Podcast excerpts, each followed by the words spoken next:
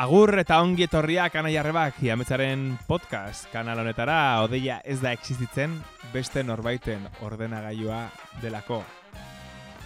Podcast honetan teknologia buru jabetzaren gainean arituko gera eta honen inguruan dauden bestelako gaiak eh, jorratze saietuko gera. Azteko, jabeteak emandako albiste esanguratsuak eh, errepasatu ditu, errepasatuko ditugu. Ostean, datuen jabetzaren gaineko editoriala. Iratxe esnaolari elkarrezketa eta azkenik gure hilabeteko liburu gomendioa. Beti bezala, balea funk instantzia librean entzun gai. Gozatu eta zabaldu seinalea.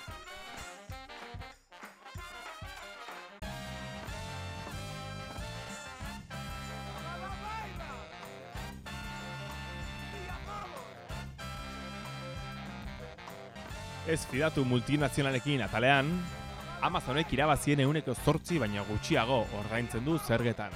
El Salto Diario irakurri duanez, Amazonek iaz milaka milioiko irabaziak izen zituen, e, aurrek urtean baina euneko irurogeita gehiago, baina en, zergetan euneko zazpi baina etzen ordaindu mundu mailan. Gure inguruko edozen enpresa txiki ordaintzen duen portzentaia baina gutxiago. Gafameko multinazionalei ez esateko arrazoi asko daude, baina ekonomiko ere kontutan hartu beharrekoa da. Hain zuzen ere, duela gutxi jakin dugu Amazonek oihartzunen jarri nahi duen logistika zentroaren aurkako mozioa onartu duela oihartzun gaudalak. Eta ematen dituen arrazoietako bat hori da. E, merkataritzak kalte egiten diola, ingurumen kalteak egiten dituela, enplegua suntzitzen duela. Kalkulu batzuen arabera, e, Amazonek Frantzian sortutako enplegu bakoitzeko 2,2 enplegu e, desegiten ditu.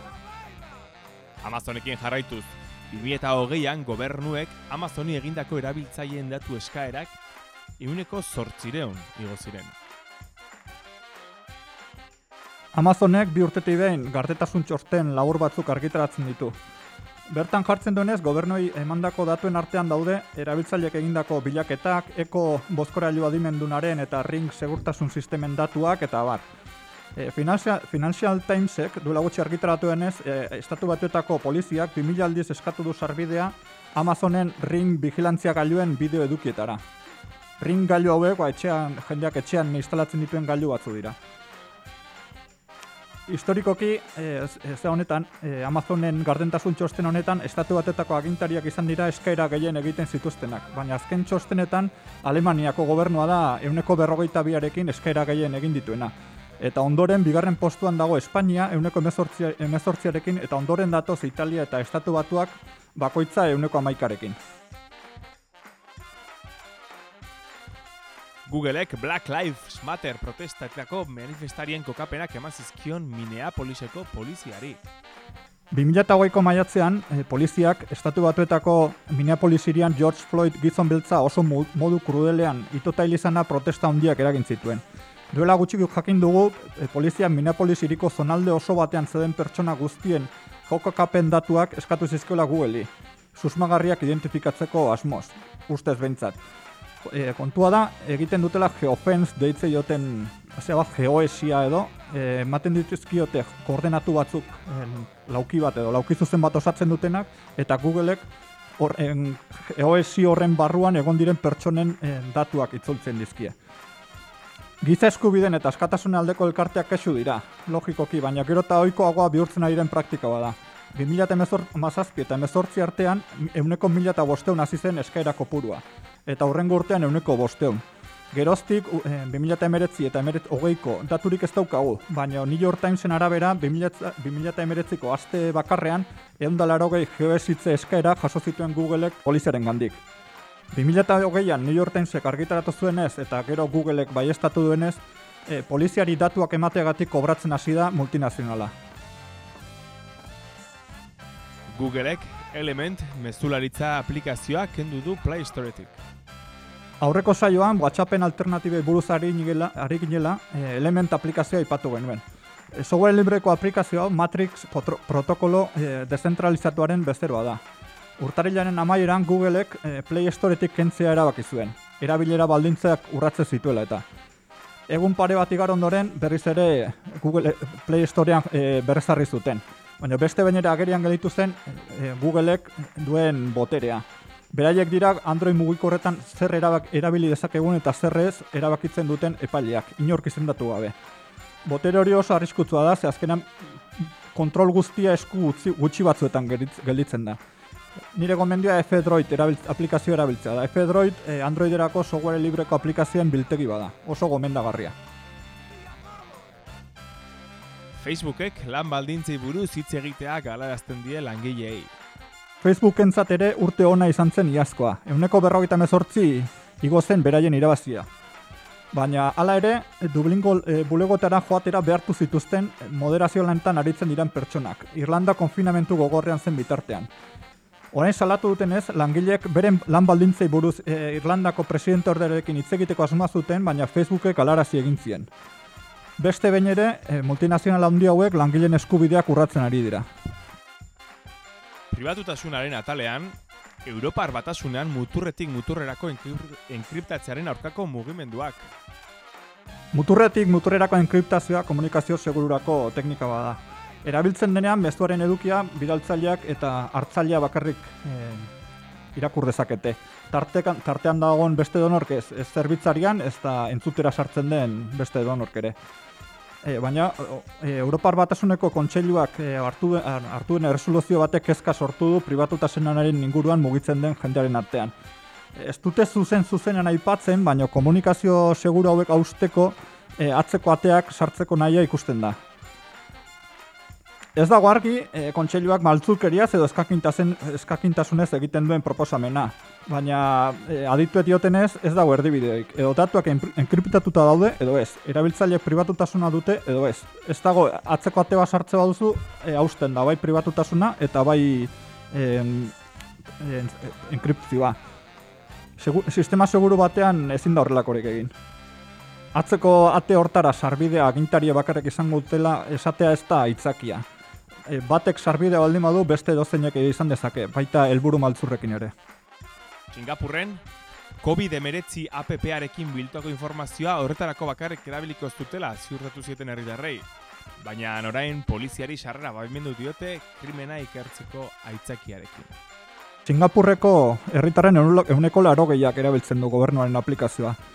Hortarako arrazoi, arrazoi nagusia da supermerkatua edo lantokira joateko beharrezkoa bihurtu dela bertan. Al- Albistea zabaldu zenean, eh, pertsona askok eh, aplikazioa desinstalatu zuten, baina beste askok nahi ere ezin dute egin eguneroko bizitzarako beharrezko baitute. Aplikazio eduki gabe ez diete uzten eh, eguneroko bizitzako hainbat gauza, hainbat gauza egiten. Pandemia amaitzean aplikazioa bertan bera utziko dutela esan dute agintariek, baina ez dut uste olako gozoki bati uko egingo diotenik. Spotifyren patente berri batean erabiltzaileen ahotsa eta inguruneko soinua grabatzea aipatzen dira. Grabazio hauen helburua eh, hainbat datu biltzea litzateke. Egoera emozionala, generoa, adina, bakarrik edo norbaitekin zauden. Eh, Spotify ez da lehena erabiltzaileen egoera emozionalaren inguruko datuak biltzen. E, Facebookek ere egina ditu antzekoak, e, emaitza nahiko beldurgarriekin. Australiako Facebookek e, nerabe zaurgarriak identifikatu eta iragarle, iragarlei haiei espreski zuzendutako publizidadea eskaintzen zien. Bestela ere Spotifyk e, erabiltzaileen izugarrizko datu pila gorretzen ditu. Duela gutxi jakin dugu, e, erabiltzaile batek Europako GDPR legeal erabiliz eta email mordo bat idatzi ondoren, e, bere datuak e, gordetzen dituzten fitxategi batzu lortu dituela.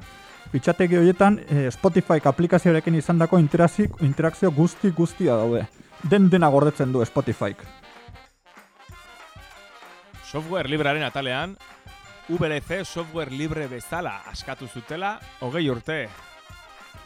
Aurreko podcastean Wikipediaren hogei garren urte horrena ospatu genuen. Gaurkoan beste proiektu bat da urte kopuru hortara iritsi dena. VLC multimedia erreproduzigailua. Nork ez du erabili kono naranja bat ikur bezala duen eh, aplikazio hau. Frantziako irabazi asmorik gabeko erakunde badago atzean. Eta azken hogei urteetan eh, mila voluntario baino gehiagok eh, parte hartu dute garapenean. Horien artean Euskarara itzultzen eh, lan egin duten Euska, eh, librezaleko kideak. Ba, eskerrik asko guztioi zuen lanagatik. Hezkuntzan librezaleren agerraldia Eusko Legebiltzarrean.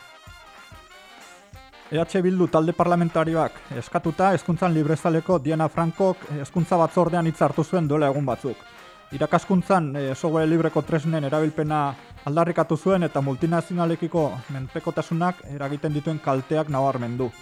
E, adibidez, bai, ikasleen pribatutasuna urratzen dela, e, Chromebookek e, zarkitzapen programatu dutela, Euskera, Google eta Microsoften kapritxoen menpe geratzen dela, EAJ-ko aitor urrutiak, e, botatakoek harridura eragin zuten.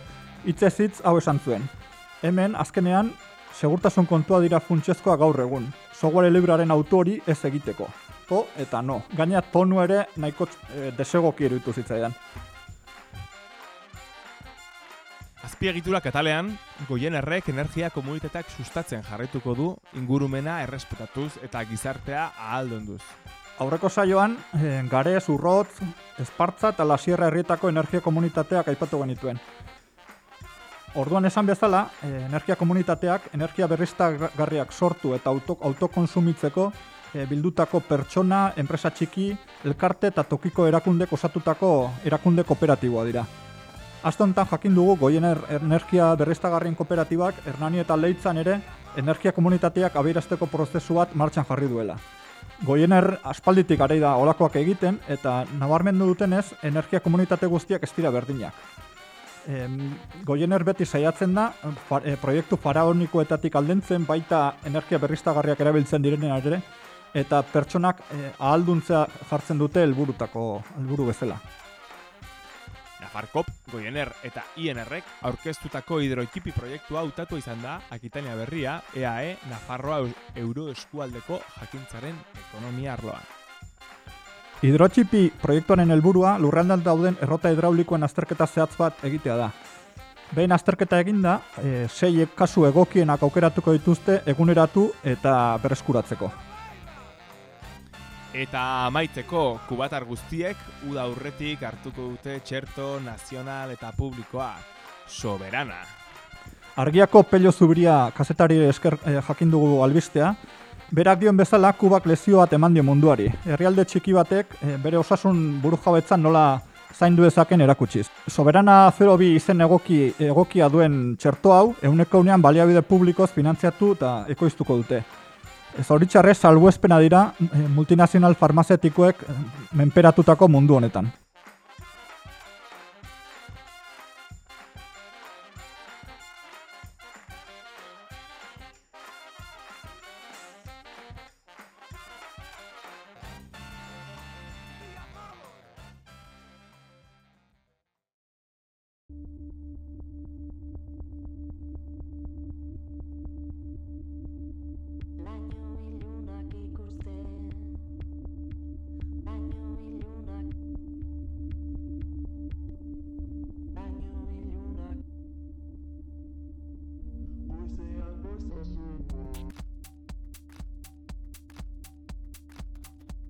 Datuak, herritar digitalak, jabetza, buru jabetza, software librea, politika digitala, besteak beste horiek dira iratxez naolaren elkarrezketari jarriko genizkioken etiketak.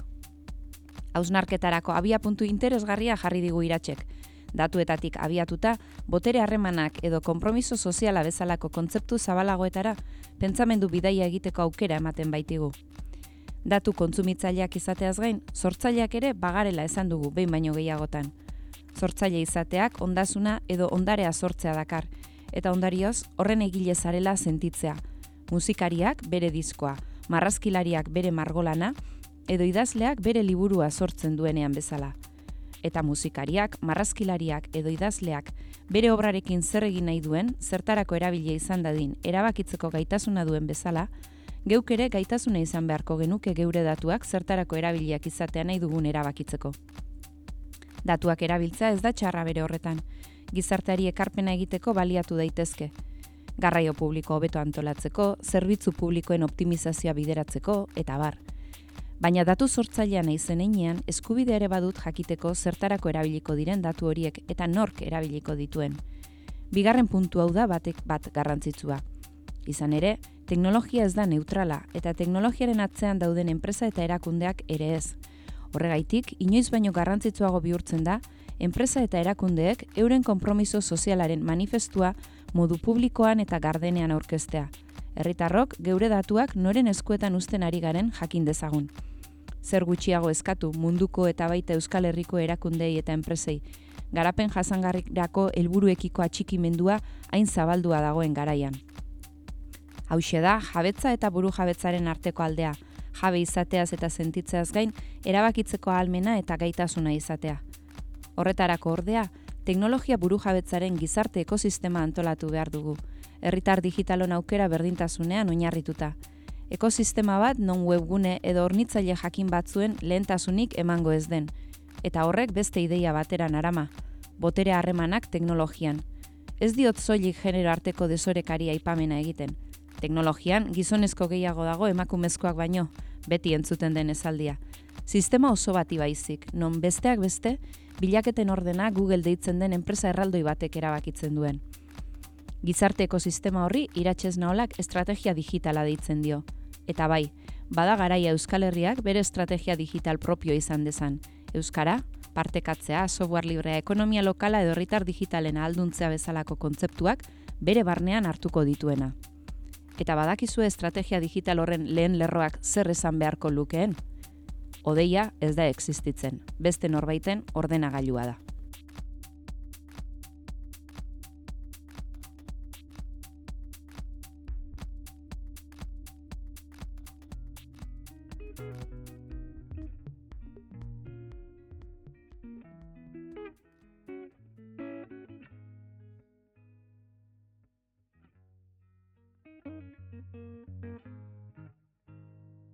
Gaurkoan gurean iratxez nola daukagu, zarauzarra informatika ingenieria eta unibertsitateko irakaslea. Software librearen defendatzaia da eta hainbat herri ekimenetan parte hartu du. Adibidez, .eus proiektuko koordinatzea izan zen, eta hainbat edabide eta elkarteren kolaboratzaile ere bada, informatikako gaietan. Ongi etorri iratxe. Esker, Sandra. Asteko iratxe gauden datuen dantzan, datuen zurrunbiloan esgaltzeko gomendatzen dutela dituek esaten zenuen, datuen jabetza eta buru jabetza datuek gidatutako jendartean artikuluan konfinamendu garaian. Ikasi aldugu zerbait. Bueno, artikulu hori idatzi nuen konfinamendu garai betean, esango nuke martxoa erdi aldien hasi bat zen, hortik bete batetara edo, e, eta bueno, eta datu entzurrun biloan ez galtzeko adituek esaten zutela adierazten nuenean, ba, nola baitzen, e, ba, pixka bat gure egunerokoaren oinarria, ba, teknologia eta tresna digitalak bilakatu zirelako ez, eta adituek esaten zutelako, ba, horri ere pixka bat, neurri hartu behar zitzaiola, eta ez genuela egon guztian, naiz eta etxean egon, ez genuela egon guztian horren aurrean egon behar, ez? Bueno, ba, nabaria zen, behar bada orain nabaria da ez, gure egunerokoaren oinarria bilakatu zela, ez, herritar digital erabatekoak ikusten genituela gure buruetan, batzuk telelana egin genuen, ez, bueno, nire kasuan eh, aurrak ere etxean zeuden, ezkuntza ba, e, bide telematiko elzara joan zen, harremanak mantenduta zaintzeko modua oen, ba, teknologia bera erabiltzea zen, informazioa bilatzeko iturri nagusia ba, teknologia bilakatu zen. Egia da, momentu hartan ere guztiz egiak ez ziren gauza asko zabaldu zirela, baina denok ondela ere bat bateko aldaketa batean barruan ez, eta hortaz, ba, bueno, adituek pixka bat esaten zuten, ez genuela zertan e, denbora guztien informatzen egon behar, eta informazio gero eta gehiago jasotzeagatik ez niela e, hobeto informatuagoak egongo, ez, eta orduan, ba, bueno, pixka bat pantaiei neurri hartzea ere garrantzitsua dela. Nik nire iritzi apalean e, pantaia neurri hartzearena e, konfinamendu garaian oso garrantzitsua zen, baina uste dut konfinamendu garaia eta pandemiaren aurretik ere ba egiteko genuen etxeko lan bat zela, ez, irutzen zaidana da kezka, benetan kezkatzen nahuena, ez, edo benetan kezkagarri irutzen zaidana da e, pantaia neurri hartzearena eta hogei eskaintzen dioguna harreta kantitateari neurria jartzearena ez dagoela e, maia horrekor batean esan da gure egiteko dauden e, gauzen artean, ez? Osea, ez dugula eta egiteko dauden zereginen zerrendan sartzen, ez? Eta orduan, bueno, ba, pixka bat uste dut hor maia individualean ere asko egin dezakegula, maia kolektiboan zesanik ez, baina bueno, ba, pantalla hauei neurri hartzea konfinamendu garaian eta orain, eta aurretik ere ba, beti izan da garrantzitsua. Ados, Komentatzen genuen konfinamendu garaian batez ere internet gertukoaz eta urrunekoaz jakiteko bide nagusia izan dela. Eta horrek internet publikoa neutrala eta ekitatiboa izan behar duela erakutsi duela. Oroar, e, konfinamenduar bereziki gesta, e, kezkatu gaituen gaia izan da, baino esaten zenuen bezala konfinamendutik kanpo ere e, gure garaiko erronka izaten jarraitzen du. Zergatik da beharrezkoa internet publikoa neutrala eta ekitatiboa izatea? Bueno, konfinamenduak argi utzi zuen momentu hartan beharrezkoa zela interneterako kalitatezko konexio bat izatea, ez? Bueno, herritar digitala ginera eh, argi usteaz aparte, ba, kasu askotan lan egiteko aurrak hezkuntza ibilbidea jarraitzeko nolabait, ba, garrantzitsua zen eta oinarrizkoa bilakatu zen, ez? Izan, e, ba, hiri baten erdian bizi edo landa ere moan bizita ere, ez? Orduan horrek, bueno, aurrez ere agerikoa bazen eta aurrez ere e, defendatzen bagenuen ere, bueno, ba oso nabarmen gelditu zen interneterako kalitatezko konexio bat eskubide unibertsala izan behar duela momentu honetan, ez? Zerbitzu publiko bat, kasi, osea, e, izan behar du denon eskuetara e, erabat eskuragarria prezio ikuspuntutik ere izan behar duen, ez? Horrek bermatzen du nolabait herritar digitalon e, aukera berdintasuna nahi gero beste gauza bada. Bakoitzak e, nondik egiten duen lan eta eta zertan egiten duen lan baina behintzat e, kalitatezko konexio hori eukial izatea ez? Konexio hori kalitatezkoa izatea aparte e, beste ezaugarri batzuetako ere izan, izan behar du ez? Eta hortik dator neutrala eta ekitatiboa izatearena, ez? Normalean sarearen neutraltasuna zitu egiten da kontzeptu bezala, eta neutrala izateak esan nahi du, ba, sareko trafiko horrek edo datuen trafiko horrek izan behar duela e, berdintasunezkoa, ez? Ez daudela eduki batzuk lehentasunezkoak, ez daudela webgune batzuk e, lehentasunezkoak, ez daudela hornitzaile batzuk e, lehentasunezkoak, eta hortaz edozein e, datu, edozein dela ere, edozein delarik bere jatorria edo edukia, ba, ba, modu neutralean eta modu epitatiboan tratatua izan behar duela. Ez? Hortaz, bueno, ba, pixka bat bazen e, konfinamendu garaiak inoiz baino beharrezkoagoa egin zuen e, ba hori ez, e, interneteko konexioa iristea Euskal Herriko txoko guztietara, ze orain dik, 2008 batean,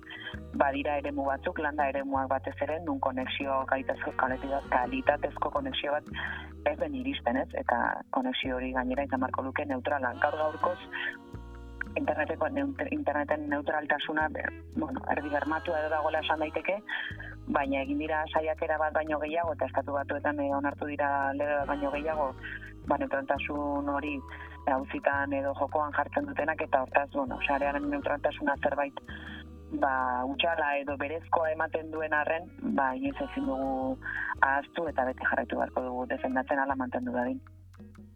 Mm-hmm.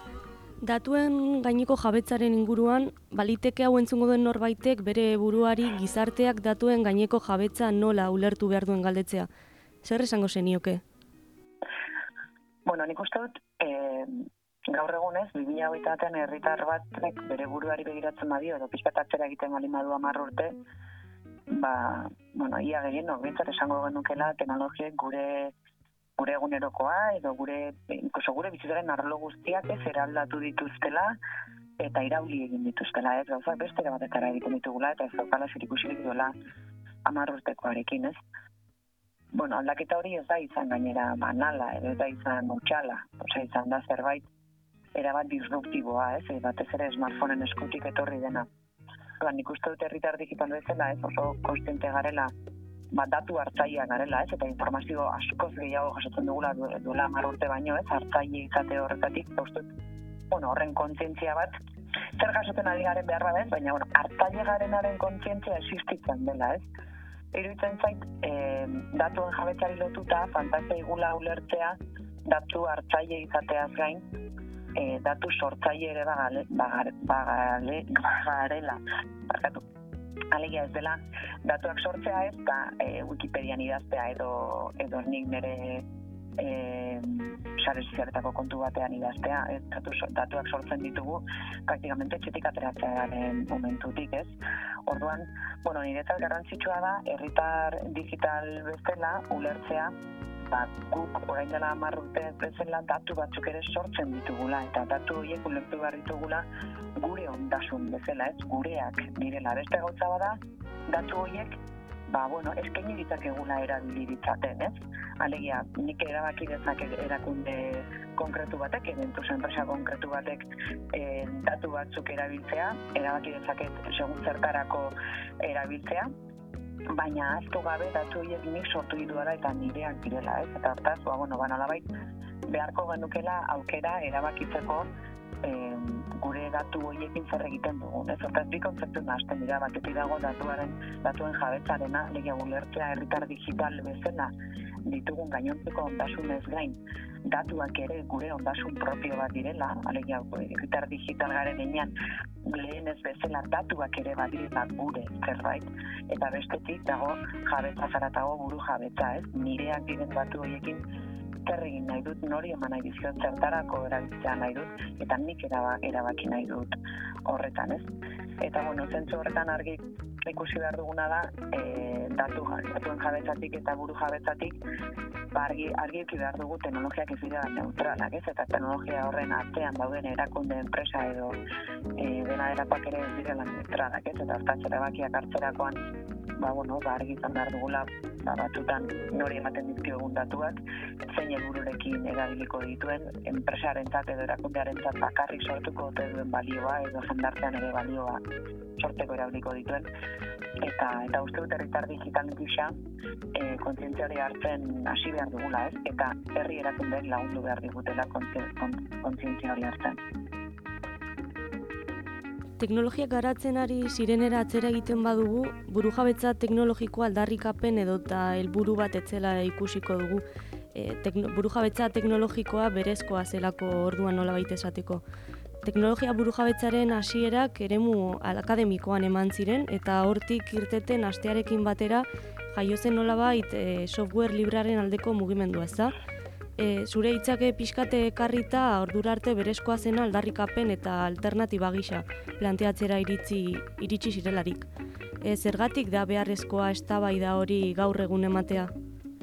Bueno, zuke esan duzu bezala, e, librearen mugimendua sortu zen erako, ez, teknologiaren buru jabetzan maia akademikoan sortu zen, ez, pixka bat, nolabait izan daiteke, e, egungo mundua ez zela posible izango software librerik gabe eta mundu akademikoan pixka bat, nolabait, ba, partekatzearen, e, garapen irekiaren filosofia hori berezkoa da, ez? Pixkatik erkuntza ere hortik ulertzen da, oza, ez da ez zer utxet ikasten, ez? Prinsipioz egin da dagoenaren gainean garatzen jarraitzen dugu, ez? Eta hori da soberribrearen oinarria, eta hori da maia akademikoan egintzen ekarpena eta irekia mantendu zenako eta ireki egin zenako ezagutzen dugu gaur egun e, daukagun mundua.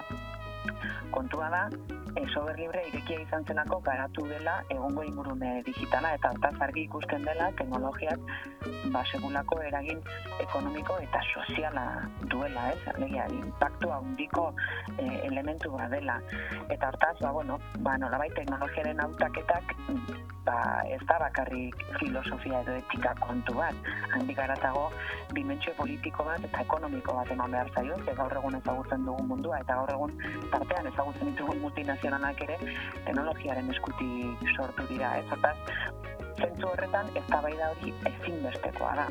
E, ez horren puntxa, batzuk eramango dute segurtasun teknologikora, baina berez, e, eztabaidatu behar duguna da, tokiko errealitatera egokitzen diren teknologiak zein diren, maila lokalean garapena e, sustatzen duten teknologiak zein diren, e, maila lokalean balio ekonomikoa sortzen duten teknologiak zein diren, e, jakintza irekia eta bertakoa zeintzuk sortzen duten, eta bueno, nire partetik argi esan behar dut, bide hori soberri eskutik bakarrik egin daitekela, ez? Hortaz, bueno, e, teknologia ulertzeko modu ezberdinak daude, e, alderan aipatzen zenuen bezala, ba, alternatiba gisa planteatzen da sober librearena, ba, hegemonikoa printzipioz, ba, ez delako sober librearen norabidea, baina nik uste dut herri batek eta komunitate batek, ba, 2008 bat garren urtean estrategia digital behar duela, ez, eta norabide argi bat izan behar duela.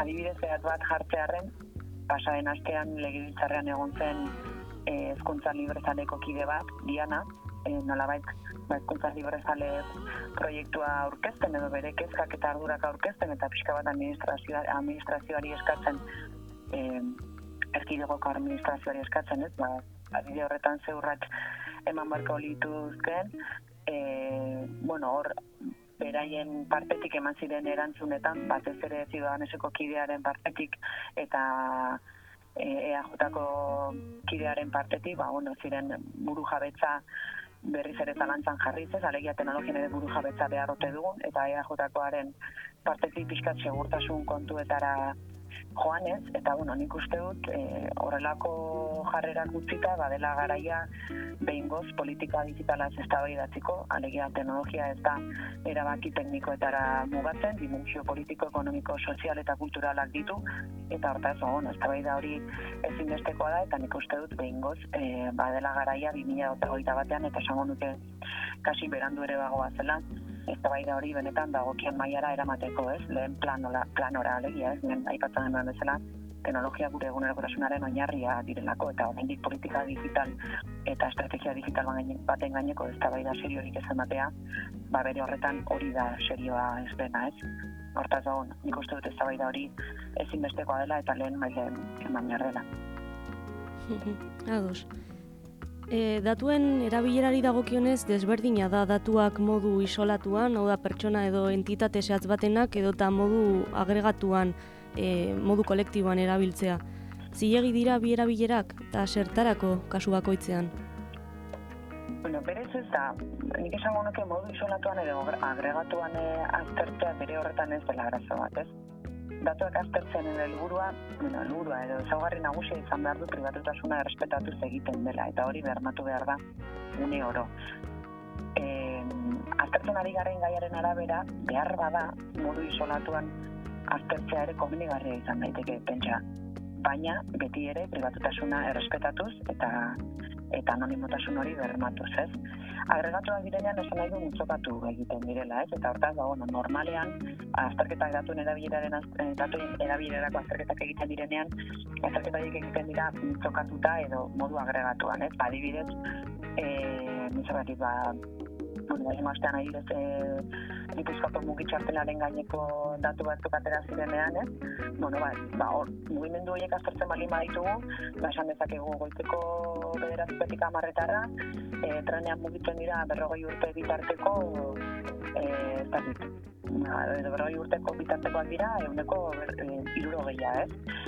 Eta, eta igual horrela utzi dezakezu multokatuta eta agregatu maila horretan edo erabaki dezakezu zergatik ez emakume eta gizonezkoan arteko datuak desagregatzea, alegia horiek ez agregatzea, ez? Eta genero perspektiba bat ere sartzea, ez? Hortaz, bueno, da, interesantzen zaitzunaren arabera, ez? Orduan, datuen erabilera bere horretan, e, ez da ezer txarra, ez beti ere erabiltzaileak bere baimena eman baldin badu erabilera hori egiteko, beti ere era, erabiltzaile horren pribatutasuna eta anonimotasuna errespetatzen bada, eta zergatik ez, e, aprobetsatuko dute esateko, datu horien erabileran ere, ba, eman dezakegula urratx bat aratago, ez? Eta mukiko kasuan bezala, ba, esaten duten ez emakumeak irutik bi direla, ez? Ba, zergatik ez, azterketa horiek ere behar bada, ba, beste datzu batzuk ere sartu behar dituztela, ez? Alegia, ba, zergatik hartzen dituzte emakumeak ordu horietan, zer, zer egiten dute aurretik, zaintzarekin lotuta dago, ez dago, e, zergatik dago e, gizonezkoak kotxeari lotuago, ez? Orduan, berez datuak agregatuak edo isolatuak izatea bere horretan ez da arazo bat ba, aztertu nahi dugunaren arabera erabaki beharko dugulako. Orduan, privatutasuna eta anonimotasuna bermatzen diren bitartean, e, eta beti ere erabiltzaileak bere baimena normalen badigu datu horiek erabiltzeko printzipio zilegi izan beharko lukete. Azken batean datuen gaineko kontrol handiagoa izatea ematen du dela pixkate bidearen oinarrian dagoena, ezta?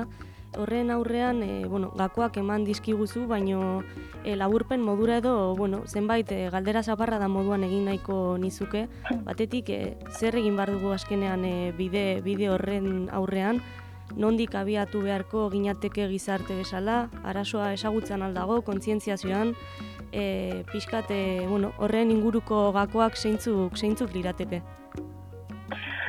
Bueno, datu nera kontuan eta natuen jabez ez kaldu jabez ez ari garenean horren oinarrian herritarren ahalduntzea dago. La herritarrak gai izan behar du, 2008 bat eta mendik aurrerako erabakietan, alegia digitalki hartu behar dituen erabakietan, egin nahi duen hori erabakitzeko. Alegia gaitasuna eduki behar du, nahikoa informazio eduki behar du, eta e, gai izan behar du erabaki horiek hartzeko. Alegia, nire datuak eman nahi ditut edo ez, ondarako bai edo ez. Hortaz, e, bueno, gakoetako bat, inungo zalantzarei gabe, ezkuntzan dago. Ezkatzen nagoena da, gauza bada, orain dela hogei urte e, ez igintuztenean, ba, bueno, berritarri digital gisa ez eztea ez, eta nolabait, ba, ba, gerora ez izatea ez gaitasun horiek behar bada gaur egun hartu behar ditugun erabaki horiek hartzeko. Kontua da gaur egun ere 2008 batean gure hezkuntza sistemetan ditugun aurrak ez direla ez penari herritar digital gisa hartu beharko dituzten erabaki horiek hartzeko. Ez otaz, herritarren ahalduntze digitala bilatzen malin badugu, ahalduntze digital hori bermatuko duen e, hezkuntza bat izan behar du, ez? Orduan, erabakitzeko gaitasun hori bermatu egin behar da alegia, nolabait herri, herri erakundek lagundu behar dute datuen kontzeptzio hori aldatzen, ez? E, gaur egun, e, etorkizunera begira ez ari direnak horretan gaituz, baina ja eskolatik pasagarenak eta beste adin bat dugunak barrenatu dezagun datuak ulertzeko beste modu bat, ez? Eta horren gidaritza, alegia horrekiko egin beharren pedagogia guztia herri erakundetatik gidatua izan beharko luke, ez? Kontzientzia arte hortan laguntza, laguntza beharko dugu. Oso ondo iratxe, ba, eskerrik asko uste dut e, gako, gako garrantzitsuak eman dizkiguzula, beraz eskerrik asko beste behin tarte bat eskaintzeagatik eta eta mandako gako eta informazioagatik, benetan interesgarri iruditu zait. Ni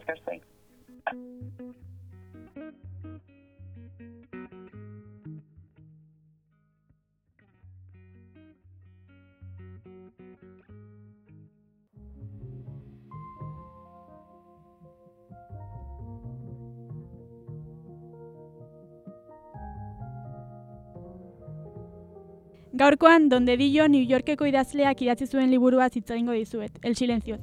Balak izu idazle hau ezaguna dela beti argitaratzen dituelako esanguratsua diren momentu historikoak islatzen dituen liburuak? Kennedyren hilketatik hasita iraiaren amaikeko atentatu arte.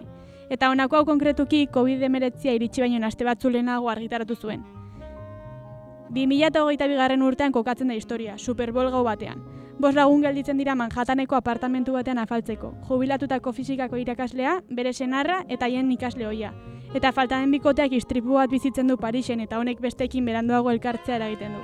Gauza da, bat batean afarirako prestatzen ari direla, hitzaldi batek mundua ilunpetan uzten duela eta gure bizitza markatzen duten konexio digitalak moztu egiten direla. Donde Lillo planteatzen duena zera da. Egunerokotasunean horren beste barrenatu dugun teknologia hori apurtu edo bukatzen bada momenturen batean, une honetan non gelditzen den gizakiaren zentzua. Zein den gure identidadea? Jakingo genuke bizitzaren teknologiaren zarata gabe isiltasunean bizitzen? Denbora guztia guretzako izan da, saretara konektatuta egon gabe? Idazleak egoera kaotiko bat planteatzen du. Gizakia zer, e-, zer egin jakin gabe geldituko zelarik norantzagabe eta denbora nola bete jakina ezinik. Nola baiteko kolapso mentala bizituko genukela dio. Nik aurre egingo geniukela pentsatu nahi dut, baina bizitu degunaren ondoren ez dut horren erreza ikusten. Berrogei aldia maia kolektiboan erronka handia izan da, baina baita maia individualean ere. Gure buruarekin eta gertukoekin egoera behartu gaitu, ezin ies egin eta gerian utzi du gure bizitzaren egiturak eta planteamenduak teknologia eta internetarekiko duen menpekotasuna. Izan ere, gizarte bezala aurrera atera izan gara teknologiari esker. Esaterako ikastolak aurrera egin izan du, lanak, Eta zuek, Sandra eta Xalba, nola ikusten duzue? Historia uerreala izango balitz, zer uste duzu egetatuko litzatekela? Kolapso bat bizituko genuke? Ba, nire ustez, bueno, nire ikuspegia ez, du, ez da in positiboa, nik uste dute, bai, benetan ikusi dugula teknologiaren gaineko menpekotasun handia daukagula, eta are gehiago uste dut benetan ez dugula, ez garela horreta, bueno, kontziente, ez? Ez diogula ausnartzeko denbora asko eskaini eta orduan e, horrelako egoera baten aurrean, ba, ez dakit e, benetan e, aurre egiteko gai izango ginateken ni ados eh Sandarak plantatzen duenarekin eta gainera irutzen zait e, erronkei aurre egiterako orduan herri gizarte bezala edo e, ez ditugula reflejo bat ere onak erakutsi. Eta ustez gai honekin bereziki teknologien gaiaekin e, gero ez gehiago, hau da, gero ez gehiago parzializatzen dira jakintza, jakintza kanporatzen dira edo zerbitzu bidez funtzionatzen dugu, eta gai, enpresa erakunde publikoak daude kanpoko beste menpekotasun batzuen e, esku, ez? Orduan ez ginateke gai izango gure e, e, datu baseak berriz e, sortzeko, e, te, komunikazioak berriz sortzeko, e, ez dakit.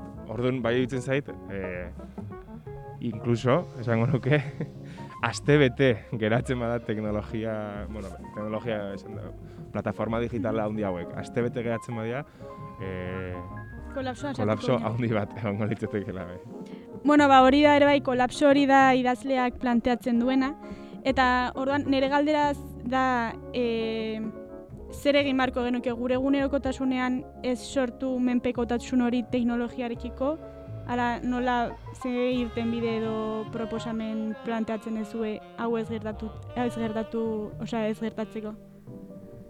Ba, bueno, nik igual hemen bi, bi gauza ezberdin eh, ikusten o bereiztuko, ez dakit, e, bereiziko nuke batetik e, guk gizarte bezala e, gizarte mailan e, arditzakegun jarrerak eta azkenean e, ohitura ohitura hobeak eta bestetik ere e, teknikoki e, bueno, egokia izatea edo teknikoki e, hartzen ditugun beharrak e, egiteko gai izatea, ez?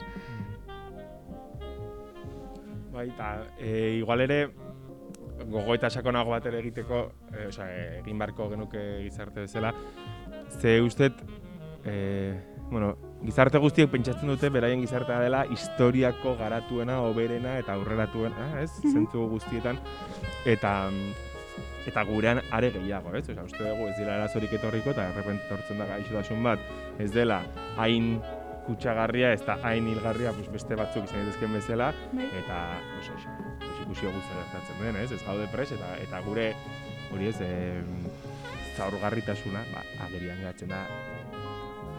Eta antzeko zerbait holak- honekin, uste dugu plataformak direla betirako, plataforma digitalak direla betirako, e, e, direla gauza bat e, magikoak, klasi, kasi ez, ez dugu lertzen horratzean zer dagon, eta aurrekoan egon ginen e, komentatzen, ez dakit e, ezagutu zenuten, baina MySpace e, plataforma, bai, musikarientzateko izan zela, osare sozial importantena, horra igotzen ziren bat gauza, eta zirudien hori zela, e, zerbait, ba, eski, iraun zuen bost urte, edo, bueno, bost ez dakit zenbat urte, baina esan, Bai, ja, ez da existitzen, eta hor dagoen edukia, horri goden edukia ez da existitzen, ez dago inon, ezin da eskuratu ez.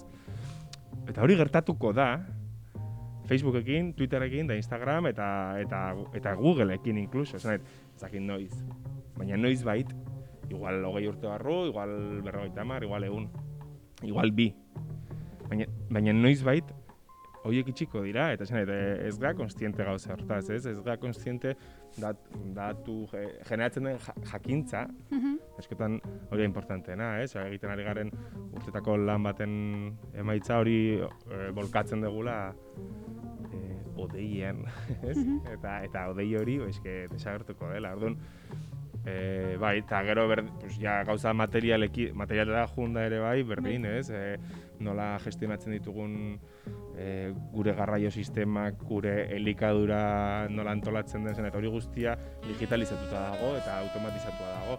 Eta, bueno, ba, baliteke egun batean ez izatea horren ona hori, ez dakit. Ados. Bai, bai, e, erabat ados eta gara, osea, dena gainera sarean jartzen badago edo internetarekin eta teknologiarekin hori erortzen balin bada, bazkenan ez degula gaitasuna izango ere bai gizarte bezala aurre egiteko, ez da pertsona bezala eta ere bai esaten zuena dan, osea, pertsona bezala eta individuo bezala guk ematen diogun garrantzia guzti hori sareetan inbert, osea, gure denbora sareetan inbertitzeari eta ez dakit ba, imaginatu e, identitate bat sortzeari e, sareetan eta abar, hori guztia gabe non geldituko ginatekeen, ez? Bai, nik uste azkenean eh, ere badela kontua pixkate orokorrean teknologiaren inguruan daukagun kontzeptualizazio hori ez, eh, horren inguruan hausnartzea. Hau da, zer den azkenean teknologia guretzat, nola ulertzen dugu teknologia, eta azkenean denbora bate otarte bat eskaintzea teknologia gure egunerokotasunean daukan presentziari. Ze nik uste dut azkenean egunerakotasunean eh, gabiltzala, baino ez diogula hausnarketari denbora eskaintzen.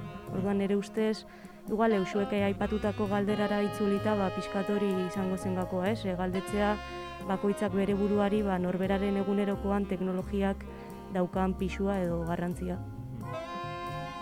Bai, eta igual horrekin ere, eta ideia bat pixkat berde dago eh, daukat, baina komentatu geno horreko gunean, ez?